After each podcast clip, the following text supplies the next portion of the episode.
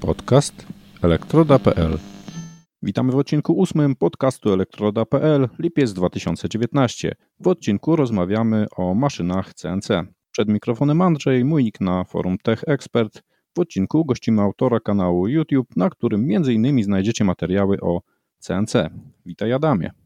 Witam, witam. Co znajdziemy na Twoim kanale YouTube?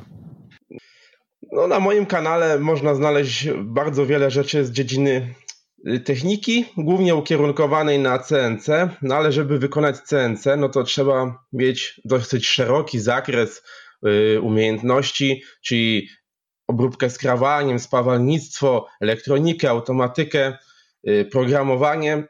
Tak więc to wszystko można znaleźć u mnie na kanale. Czy możemy w skrócie określić, czym jest maszyna CNC? No, z tłumaczenia wynika, że to jest y, maszyna sterowana z komputera przy pomocy jakiegoś numerycznej, numerycznej kontroli.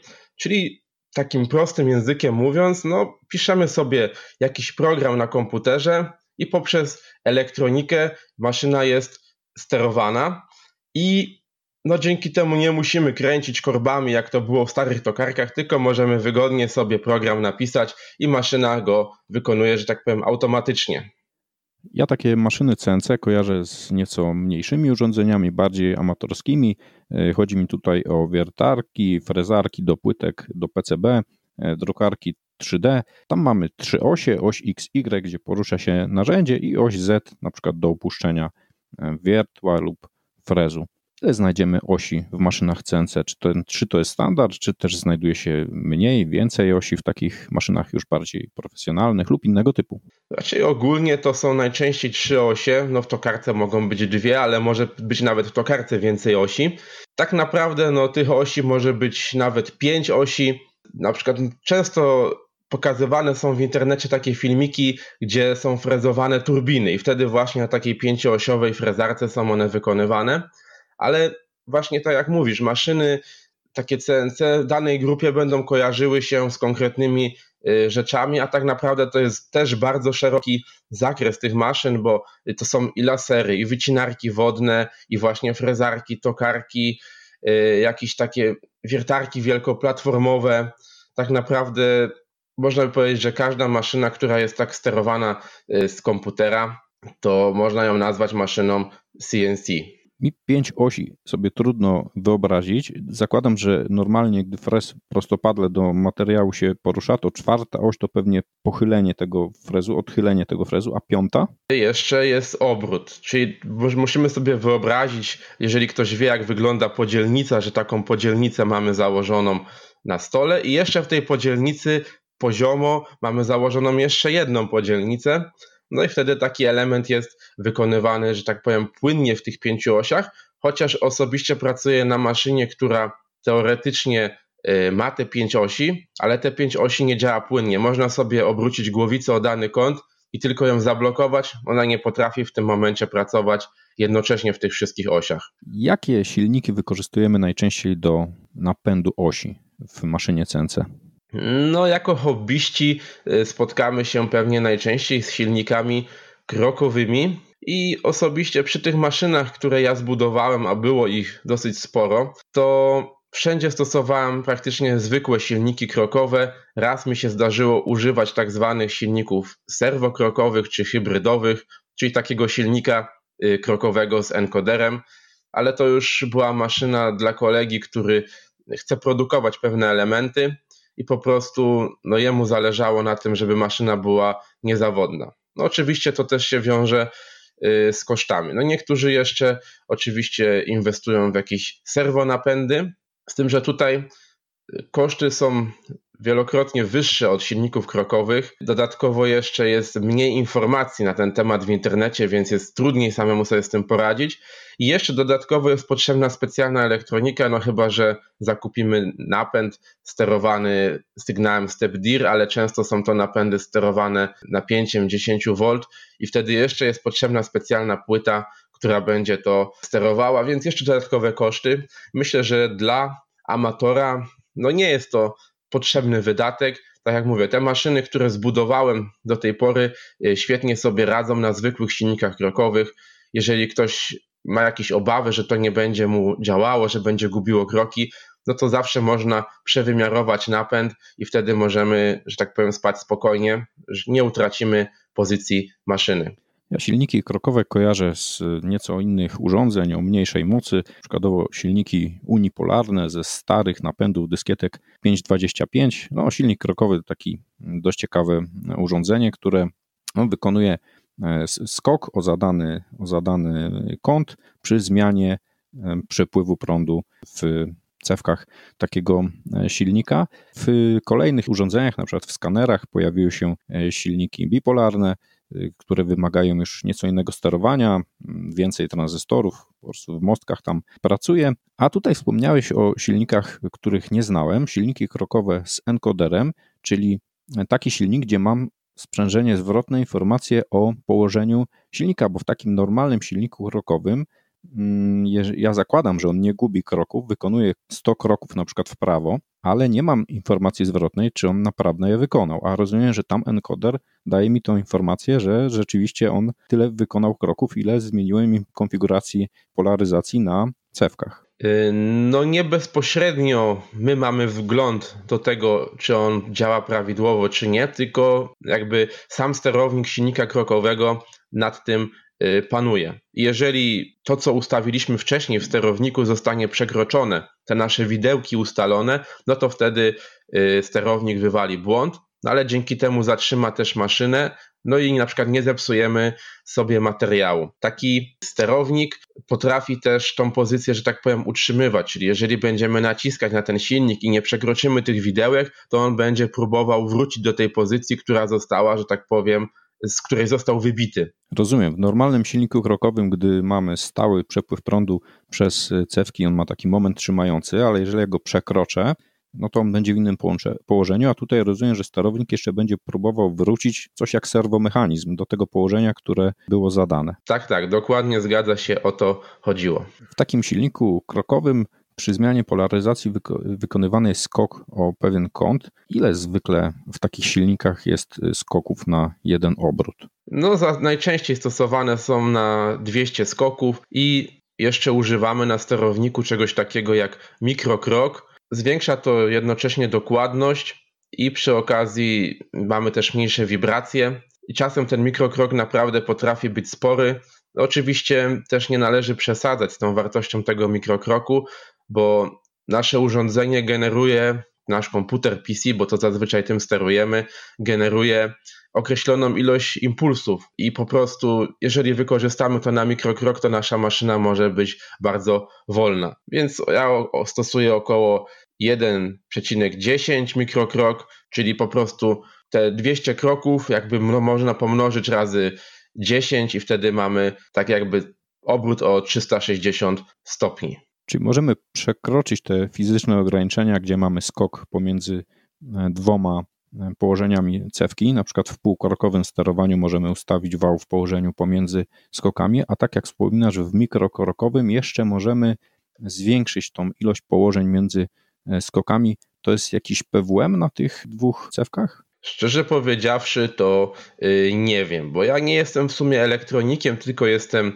mechanikiem z wykształcenia. A no ta elektronika to po prostu jest, że tak powiem, moja potrzeba przy tym CNC. No i wiem mniej więcej tyle, ile mi jest potrzebne do wykonywania tych moich maszyn. I jeżeli wiem, że ten sygnał działa, no to yy, on po prostu działa i tak za bardzo nie wnikałem, jaki to jest sygnał. Ale to jest Normalny sygnał prostokątny, impulsy zwykłe. Czy można to nazwać PWM? No nie jest to do końca sterowanie tak jakby wypełnieniem, bo szerokość tych impulsów powiedzmy jest zawsze taka sama. One są ustalane w, w tym programie, który steruje maszyną. Ustalamy ile ten impuls powinien trwać i praktycznie on jest zawsze taki sam, więc ta szerokość tego impulsu się nie zmienia, tylko, tylko częstotliwość tego impulsu. Rozumiem, czyli jeszcze możemy ten krok mm, podzielić na więcej jednostek, zmniejszyć drgania, zwiększyć dokładność e, sterowania. Ja zauważyłem, że silniki krokowe, przynajmniej takie małe silniczki, które, które miałem okazję testować właśnie głównie z jakichś urządzeń komputerowych, one rzeczywiście od minimalną prędkość no, mają nieokreśloną, bo mogę wykonać nawet jeden krok na tydzień, jeżeli będę miał taką potrzebę, ale tą już maksymalną prędkość dość łatwo przekroczyć. W tym momencie ten silnik albo zaczyna gubić kroki, albo po prostu się zatrzymuje i w niektórych urządzeniach, no na przykład w drukarkach, zauważyłem, że tam wykorzystany zwykły silnik DC i ten silnik DC na pasku na przykład porusza e, głowicą, on pracuje w mostku. Położenie głowicy jest y, przez taki encoder ustalane, gdzie w, na takim pasku mamy ciemne pola i taki transoptor szczelinowy i możemy określić dokładnie położenie tej głowicy. On też ma moment trzymający, ale niestety to już jest silnik DC, tam już są szczotki, to się zużywa, a w przypadku takiego silnika krokowego tam nie mamy takiego, takiej rzeczy jak komutator, tam nie ma szczotek, tu mamy komutator elektroniczny, rozumiem, że to są bardzo żywotne urządzenia. Yy, tak jest, w ogóle silnik krokowy, jeżeli ktoś się wcześniej nie spotkał, to może być takie dziwne urządzenie dla niego, bo na przykład jeżeli ma do czynienia z wiertarką, no to wie jak da małe obroty, no to jest w stanie zatrzymać ją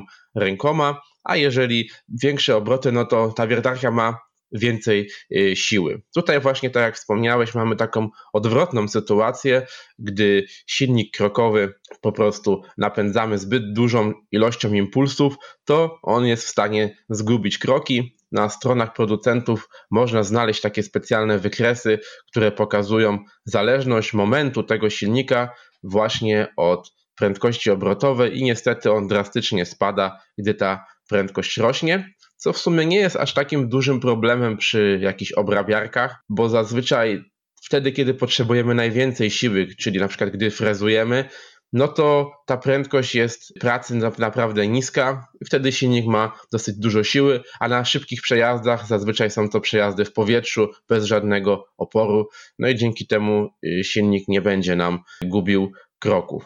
No i tak jak wspomniałeś, nie ma tam żadnych szczotek. Jeszcze nie widziałem silnika krokowego, który by się po prostu zepsuł tak sam z siebie, bez winy użytkownika, czy na przykład nie został zalany, czy nie wiem, może przegrzany przez jakiś niewłaściwy dobór parametrów. Tak po prostu te silniki są naprawdę bardzo żywotne. Tak jak tutaj wspomniałeś, to są przesunięcia narzędzia w, osi X albo Y, więc zakładam, że taki silnik zwykle nie będzie nam tutaj dostarczał mm, obrotów takiego narzędzia, tylko będziemy mieli jakąś y, śrubę pociągową, która będzie jeszcze bardziej zwiększała jego siłę i dokładność, bo to mamy coś w rodzaju takiej przekładni ślimakowej nam się robi z takiej, z takiej śruby. No tak, najczęściej stosowane są właśnie śruby pociągowe, chociaż są też oczywiście maszyny na listwach zębatych, no już takie mniej dokładne, na przykład wycinarki plazmowe. Y, no i są też maszyny na paskach, też najczęściej właśnie jakieś wycinarki plazmowe, lasery, tam gdzie jest potrzebna duża szybkość, mniejsza dokładność. Jeszcze jak już jesteśmy przy wycinarkach laserowych, to taką ciekawostkę powiem, że stosowane są też silniki liniowe. Takie coś jak ma prawdopodobnie ten znany pociąg Shinkansen i właśnie nie ma elementów obrotowych, tam tylko jest listwa magnetyczna, która przesuwa napędy, no i to często właśnie spotyka się w, w laserach, bo tam można osiągać przyspieszenia, no nie chciałbym skłamać, ale na pewno kilka G można osiągnąć na takich napędach. Jakiś czas temu widziałem kilka razy, zaledwie widziałem taki silnik e, liniowy. To bardzo mi się kojarzyło z taką pneumatyką, tylko zdecydowanie e, szybciej działającą, mniejszej mocy. To był jakiś symulator lotniczy, on tam poruszał taką małą kabiną i rzeczywiście to był silnik, który przesuwał w zasadzie rozwinięty na płasko taki silnik krokowy, prawda? Bo on przesuwał element roboczy i zaskakująco szybko mógł reagować. Na pewno pneumatyka nie zapewniłaby takiej, takiej szybkości działania, wręcz poza wychyleniami mógł generować drgania tej kabiny na przykład w symulatorze. No właśnie, ja osobiście nie miałem kontaktu z takimi silnikami, tylko na targach maszyn się z tym spotkałem, bo jeden z naszych producentów polskich takie nie dość, że stosuje, to sam je produkuje. No i to było dosyć ciekawe, bo kojarzę go jeszcze z forum CNC, jak te jego maszyny były takie typowo garażowe, a teraz naprawdę jest bardzo rozwiniętym i znanym zakładem. Zakładam, że takie silniki liniowe pewnie generują pewien y, koszt i w takich urządzeniach medycznych, czasami w urządzeniach fitness, czasami spotykam takie elementy, gdzie mamy zastosowany silnik DC, a czasami nawet AC, śrubę pociągową, y, potencjometr i takie sprzężenie zwrotne, y, które jest sygnałem analogowym, napięciem, daje nam informację o położeniu elementu, który jest sterowany, no ale tutaj zakładam, że nie są jakieś duże potrzebne dokładności ani szybkości, bo to jest zwykle jakieś ustawienie mm, jakiejś maszyny fitness albo jakiegoś stołu w przypadku medycyny. A jak z dokładnością pozycjonowania CNC? E, jaki ma tutaj wpływ mechanika, a jaki mm, elektronika, sposób sterowania silnikiem?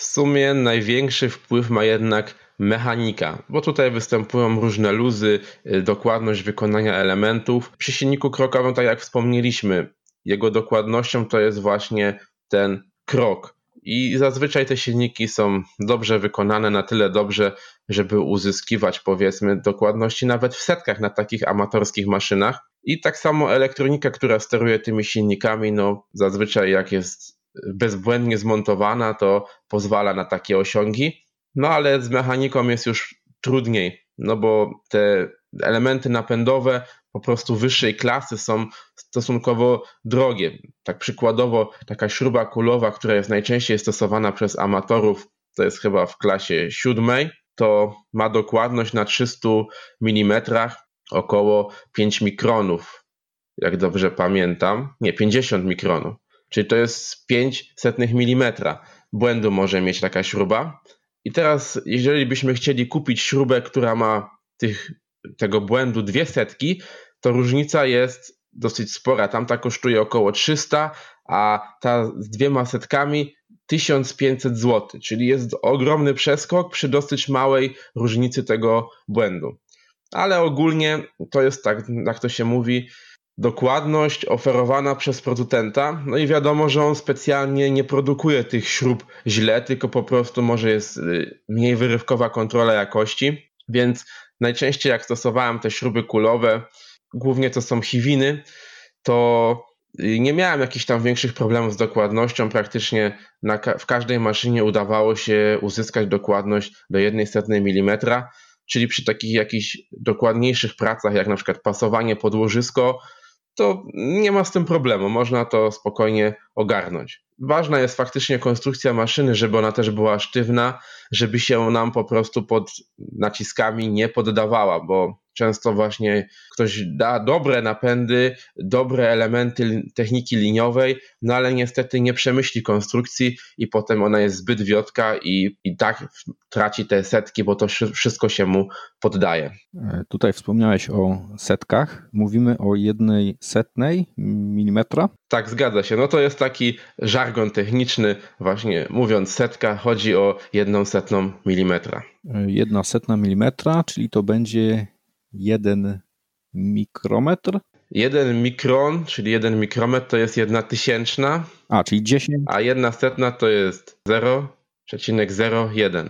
Okej, okay. no dobrze. Ciekawi mnie taki temat położenia startowego. Na przykład w skanerach zauważyłem, że jest taki element optoelektroniczny, gdzie jest taka przesłona, gdzie wiem, że wystartowałem od zera, albo czasami jest naniesiony taki wzór E, gdzie CCD szczytuje start i wiem, że wystartowałem od zera i stamtąd są liczone kroki i stąd mam tą dokładność. A jak to jest w CNC? Tam jest jakiś mikrostyk, czy jakaś, jakiś element też optoelektroniczny? Mm, w starszych maszynach były stosowane po prostu jakieś krańcówki bazujące. Nie wiem, czy w tych najstarszych były to mechaniczne czy optyczne. Ja w swoich stosuję krańcówki indukcyjne i bazuję się na krańcówce indukcyjnej. Nawet nagrywałem taki test dokładności, to bazuje się to do 1,1 mm. Ale co ciekawe, Ostatnio nagrywałem film, chyba jeszcze jest niewyemitowany. Testowałem taką najzwyklejszą krańcówkę, taką za 2 złote mechaniczną i okazało się, że ona też potrafi uzyskać taką dokładność, no tylko tutaj mamy krańcówkę mechaniczną i ona w pewnym stopniu na pewno się kiedyś zużyje, no i może generować nam błąd. Ale zasada jest taka właśnie jak wspomniałeś, że po uruchomieniu klikamy sobie bazuj i maszyna zjeżdża na te krańcówki i stąd wychodzi z zerem maszynowym, bo zer maszyna ma tak naprawdę kilka, bo potem łapiemy sobie zero na materiale, to jest już zero właśnie materiału, jeszcze jest zero narzędzia, tak więc y, tych zer jest kilka i niektórzy nowicjusze, którzy nie są wdrożeni temat, właśnie często się gubią w ilości tych zer. Ciekawi mnie taki temat związany z CNC. Czy maszyna czuje z jaką prędkością przesuwać narzędzie. Jak wiercę w ścianie, to wiem, czy przycisnąć mocniej, czy słabiej, albo na tokarce przesunąć szybciej, czy wolniej nóż, w zależności od materiału. A czy maszyna po prostu w zależności od twardości ma zaprogramowane szybkości, czy ona jakoś potrafi się dostosować do twardości materiału? No niestety, szczególnie te amatorskie maszyny tak naprawdę nie wiedzą, co robią, bo i nie wiedzą, w jakiej znajdują się pozycji, bo to zależy od ilości tych wysłanych kroków jeżeli je zgubią, to nie wiedzą.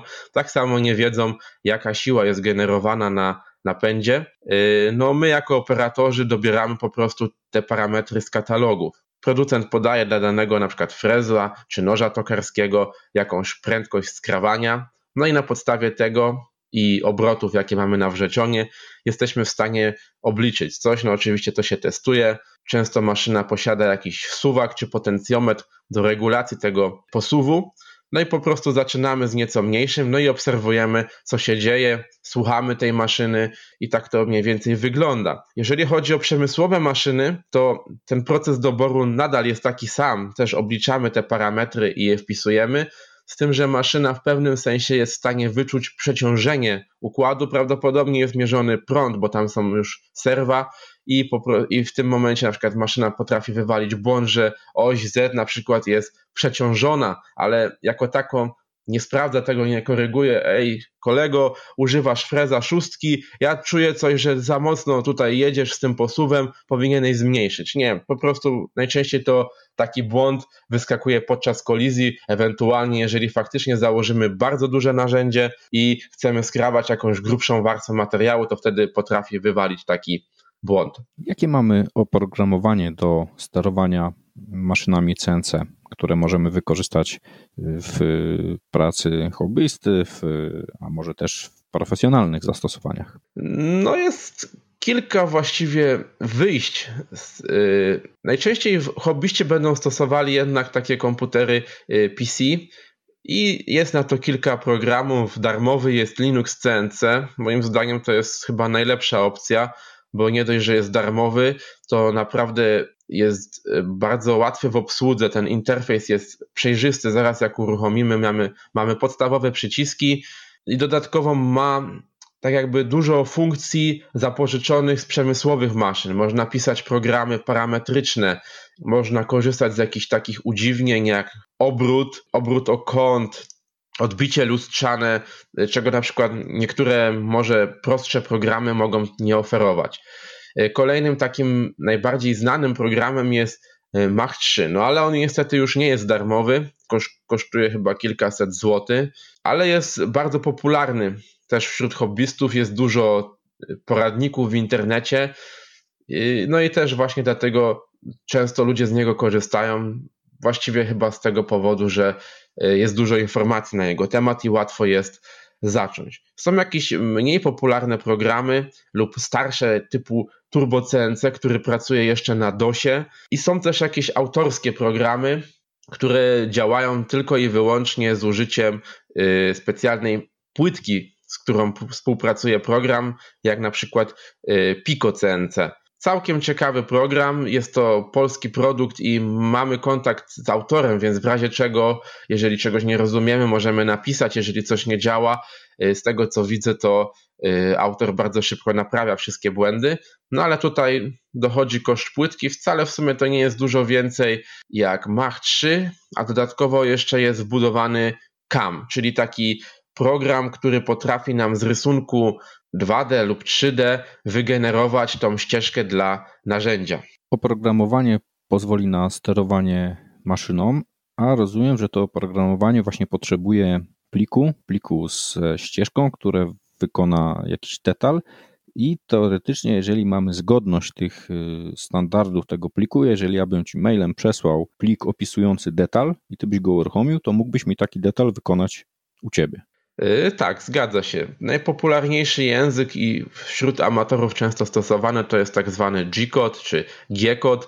To jest chyba język ISO i większość funkcji w tym języku jest standardowa, typu na przykład G00 oznacza y, posuw z ruchem maksymalnym, z ruchem szybkim, a G01 na przykład oznacza posuw y, z ruchem roboczym. Wtedy podajemy na przykład jeszcze parametr F i maszyna dzięki temu wie, z jakim posuwem ma się przesunąć, chociaż zdarzają się na przykład różnice, powiedzmy y, bardziej skomplikowane kody, szczelam teraz G85 dla Linux CNC już może oznaczać co innego niż dla na przykład Mach 3, ale to są takie jakieś cykle i tak dalej, co w podstawowym kodzie niekoniecznie musi mieć miejsce, szczególnie jeżeli to jest kod wygenerowany przez jakiegoś kama, to on będzie na pewno wygenerowany na tych podstawowych wartościach, które jest obsługiwany, obsługi, są obsługiwane standardowo. Przemysłowe maszyny mają wiele języków. Ja osobiście pracuję na Heidenheinie, no i ktoś, kto pierwszy raz przy tym stanie, a używał G-kodu, no to w tym momencie nie rozumie, co tam jest wyświetlane na tym ekranie, ponieważ ten język się no, różni. Tak samo y, Mazak ma swój język, więc y, po prostu trzeba zrozumieć, Trzeba się wdrożyć. Takie... Mhm, tak, trzeba się wdrożyć. Jeżeli znamy już jeden język programowania, to y, bardzo szybko y, można ogarnąć po prostu kolejny, bo wiemy już o co chodzi i czego możemy się spodziewać. Czy są może jakieś konwertery, gdzie można by skonwertować z jednego kodu na drugi? Szczerze powiedziawszy, czy skonwertować z jednego kodu na drugi, to nie wiem. Prawdopodobnie przy tym najprostszym programie, gdzie mamy tylko współrzędne posuwy, włącz obroty, wyłącz, to byłoby to może nawet możliwe.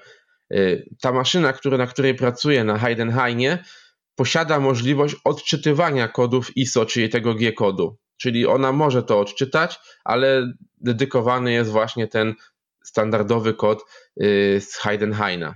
W przypadku płytek PCB wiele firm specjalizuje się w produkcji seryjnej, ale też prototypowej płytek. Wysyłam taki plik do firmy i za jakiś czas przychodzi do mnie paczka z płytką czy też z płytkami. Czy przewidujesz, że w przypadku CNC coś takiego może się pojawić, że wyślę plik, mój detal wpadnie do pudełka i przyjdzie do mnie pocztą?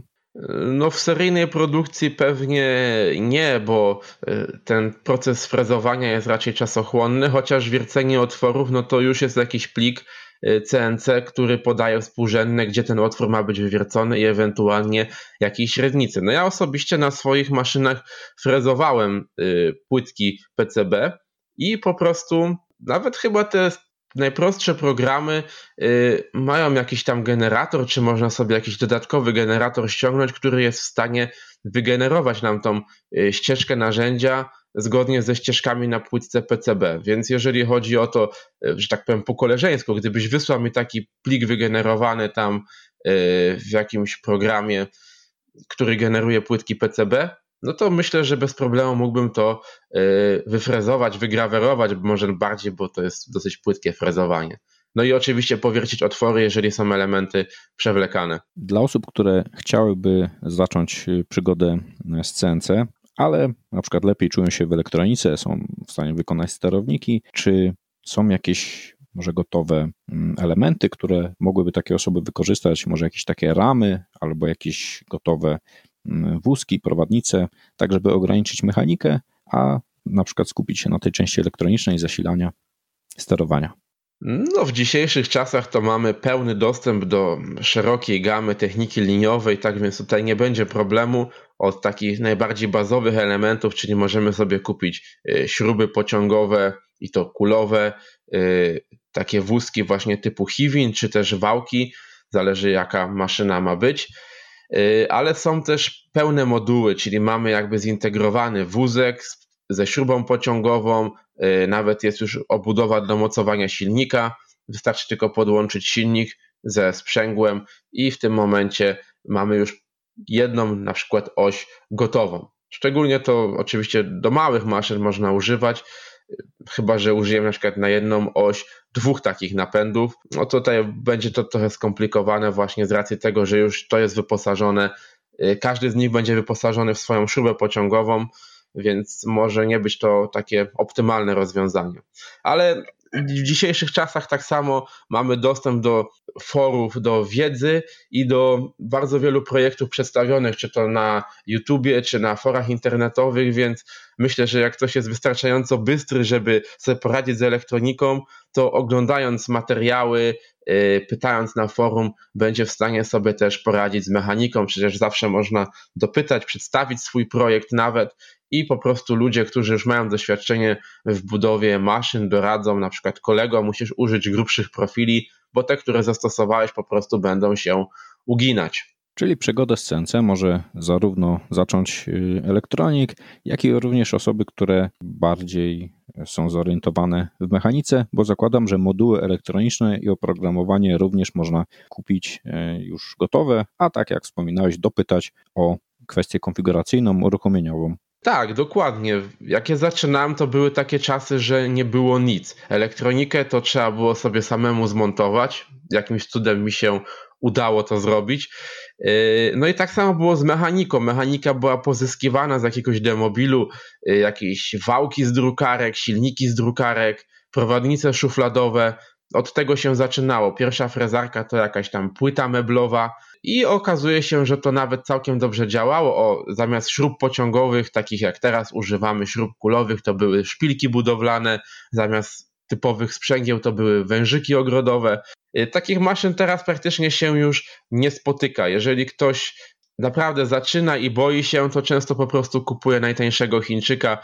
Y, one teraz są tak tanie, że po prostu jeżeli nie ma się wiedzy i nie chce się zaryzykować, no to może być to jakieś rozwiązanie do wdrożenia się w temat, poznania jak to działa i ewentualnie potem zbudowania swojego własnego projektu. Ale tak jak wspomniałeś, te moduły są dostępne, teraz praktycznie możemy składać, że tak powiem, jak z klocków taką maszynę CNC. Jeśli chodzi o taki gotowy, takie najtańsze chińskie rozwiązanie, o jakim e, przedziale mówimy kosztów? Teraz się nie orientowałem, ale jak ostatnio patrzyłem, to było około 2000 taka frezarka kosztowała i można się już na takiej maszynie troszkę pobawić. Ona, powiem szczerze, nie jest zbyt dokładnie wykonana, ale swoje funkcje automatycznej obróbki spełnia, tak więc jesteśmy w stanie się nauczyć, poznać ograniczenia takiej maszyny, zobaczyć jak to działa i ewentualnie, tak jak wspomniałem, rozwinąć ten projekt lub zbudować jakiś y, nowy, większy na podstawie zdobytej wiedzy. Czy możesz zdradzić, co pojawi się niebawem na Twoim kanale lub na elektroda.pl? Teraz akurat y, takie dwie y, serie prowadzę główne, mianowicie przedstawiam jak buduję swoją wielką frezarkę kolumnową CNC, to już jest naprawdę duży projekt, ta maszyna będzie ważyła prawie tonę i jest głównie wykonana ze złomu, z elementów z odzysku, jedynie prowadnice i śruby pociągowe kupiłem nowe, to jest jeden z takich tematów, a drugi z tematów, który szczególnie powinien zainteresować osoby, które chcą rozpocząć przygodę z CNC, to jest tak zwany y, wielki test napędów i tam testuję zestawy od Ebmia. Różne silniki mi wysłali, y, śruby pociągowe, napędy liniowe. I ja przeprowadzam różne eksperymenty, sprawdzam jakieś mity. Na przykład ktoś twierdzi, że jeżeli damy mniejszy mikrokrok, to tracimy moment, no i ja to sprawdzam, ustawiam różne mikrokroki przy pomocy wagi, na przykład sprawdzam, czy ten moment się zmienia, czy się nie zmienia. Sprawdzam dokładność śruby kulowej, śruby trapezowej, ile siły potrafi jakiś silnik wygenerować, bo tam mam tych silników kilka do dyspozycji. Tak więc yy, dla osób, które właśnie zaczynają i na przykład nie wiedzą, silnik 2 Nm, no ma on 2 Nm, ale ile to jest fizycznie 2 Nm? jaką siłę to jest w stanie wygenerować, no to ja taki eksperyment właśnie przeprowadziłem na y, śrubie trapezowej, na śrubie kulowej. No i teraz na przykład wiemy, że taki silnik potrafi wygenerować 50 kg. I to już daje pewien obraz takiemu konstruktorowi, aha, no to w tym momencie, jeżeli moja oś będzie ważyło 50, ważyła 50 kg, no to chyba bym musiał zastosować mocniejszy silnik. Tak samo sprawdzam prędkości. Ktoś wie, że na śrubę jakby może sobie nawet policzyć, że y, prędkość będzie na przykład 100 metrów na minutę, ale tak naprawdę ile to jest 100 metrów na minutę? Jak sobie to wyobrazić? A tutaj na filmie przedstawiam i jednocześnie będzie wyświetlane praca śruby trapezowej i śruby kulowej z tym samym silnikiem i będzie obrazowo widać, jaka to jest prędkość. I ktoś powie, a ta prędkość właśnie mnie interesuje. Tą, co widzę, zobaczę, odczyta sobie, aha, taki silnik, taki sterownik był użyty, już wiem, co powinienem użyć, co zaspokoi moje potrzeby. To są takie dwie, dwie główne serie. I jeszcze będzie chyba jedna odnośnie obsługi tokarki, czyli takie najbardziej podstawowe informacje do obsługi tokarki. Ja wiem, że słuchają pewnie nas głównie elektronicy, no ale w warsztacie elektronika na przykład jakieś obudowy trzeba robić, jakieś gałki do potencjometrów, więc nie da się uniknąć tej y, pracy mechanicznej, jakiejś obróbki, czy jakichś takich właśnie typowo manualnych, warsztatowych prac. Jak znajdziemy Twój kanał na YouTubie? Jaką ma nazwę? A wystarczy wpisać Adam Maszynotwór, czyli Adam, który tworzy maszyny. Okej. Okay. Ostatnio na elektroda.pl umieściłeś informację o festiwalu majsterkowania, który w tym momencie już się odbył w czerwcu we Wrocławiu w 2019 e, roku. Jak było na festiwalu? A na festiwalu było bardzo fajnie. No ja miałem bardzo bogate stanowisko też, bo przywiozłem i przyrządy pomiarowe i miałem tokarkę do dyspozycji, żeby przeprowadzić warsztaty z jej obsługi. Y, miałem też właśnie ten zestaw z wielkiego testu napędów, czyli miałem i silniki krokowe, napędy liniowe, no i też miałem szlifierkę i uczyłem ostrzyć wiertła, tak więc moje stanowisko miało ogromne obłożenie. Y, pełno osób było zainteresowanych, bo każdy miał mnóstwo pytań z różnych dziedzin i przydałoby się przynajmniej z trzech takich Adamów maszynotworów, żeby tych wszystkich ludzi obsłużyć aczkolwiek cały festiwal był dosyć kameralny. Być może przez to, że to początek wakacji był, może ludzie powyjeżdżali, bo tak naprawdę mieliśmy dosyć sporo stanowisk, a no przewijało się przez cały czas, bo to było chyba od 10 do 18, cały czas się przewijali ludzie, ale jakiegoś wielkiego tłumu nie było.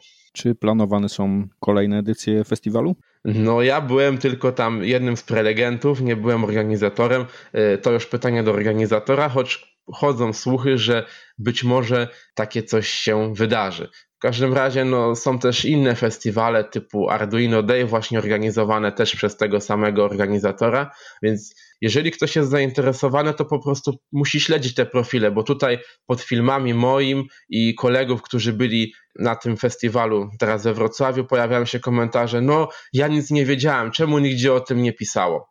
No, tak jak mówisz, właśnie, ja ogłosiłem to na elektrodzie, mówiłem na Y, swoim kanale, na różnych grupach, a mimo to jednak niektórzy zainteresowani nie dostali tych informacji, a po prostu czasami, jak już się niestety ominęło taki festiwal, to trzeba śledzić profile ludzi, którzy brali w tym udział, bo oni bardzo często przypominają o jakichś kolejnych edycjach. Tak więc ja już teraz przypominam, że prawdopodobnie będzie Arduino Day w Katowicach znowu, bo w zeszłym roku naprawdę już był dosyć bardzo rozwinięty ten festiwal. E, bardzo chciałbym zachęcić do jakichś własnych prób budowy swoich maszyn, swoich urządzeń, bo to jest wspaniała pasja i rozwija, pozwala rozwijać się w naprawdę wielu, wielu dziedzinach. No tak jak to wygląda u mnie. Byłem mechanikiem zajmującym się obróbką skrawaniem, a teraz posiadam na, na przykład na tyle dużo wiedzy z elektroniki, że ostatnio naprawiałem sterownik właśnie z takiej małej tokarki, gdzie w życiu nikt mnie nie uczył elektroniki, ale ten temat CNC pozwolił mi się na tyle rozwinąć, że z pomocą moich widzów udało mi się dokonać naprawy i maszyna działa. Link do tematu o podcaście dotyczącym CNC znajdziecie w opisie poniżej. Napiszcie, co myślicie o CNC, jakie macie pytania w tym temacie, doświadczenia i pytania. Odwiedźcie kanał YouTube'owy Adama. Adamie, dziękuję za udział w podcaście, przybliżenie nam tematyki CNC. Serdecznie bardzo dziękuję za zaproszenie i pozdrawiam wszystkich słuchaczy. Dzięki za wysłuchanie podcastu. Do usłyszenia. Do usłyszenia.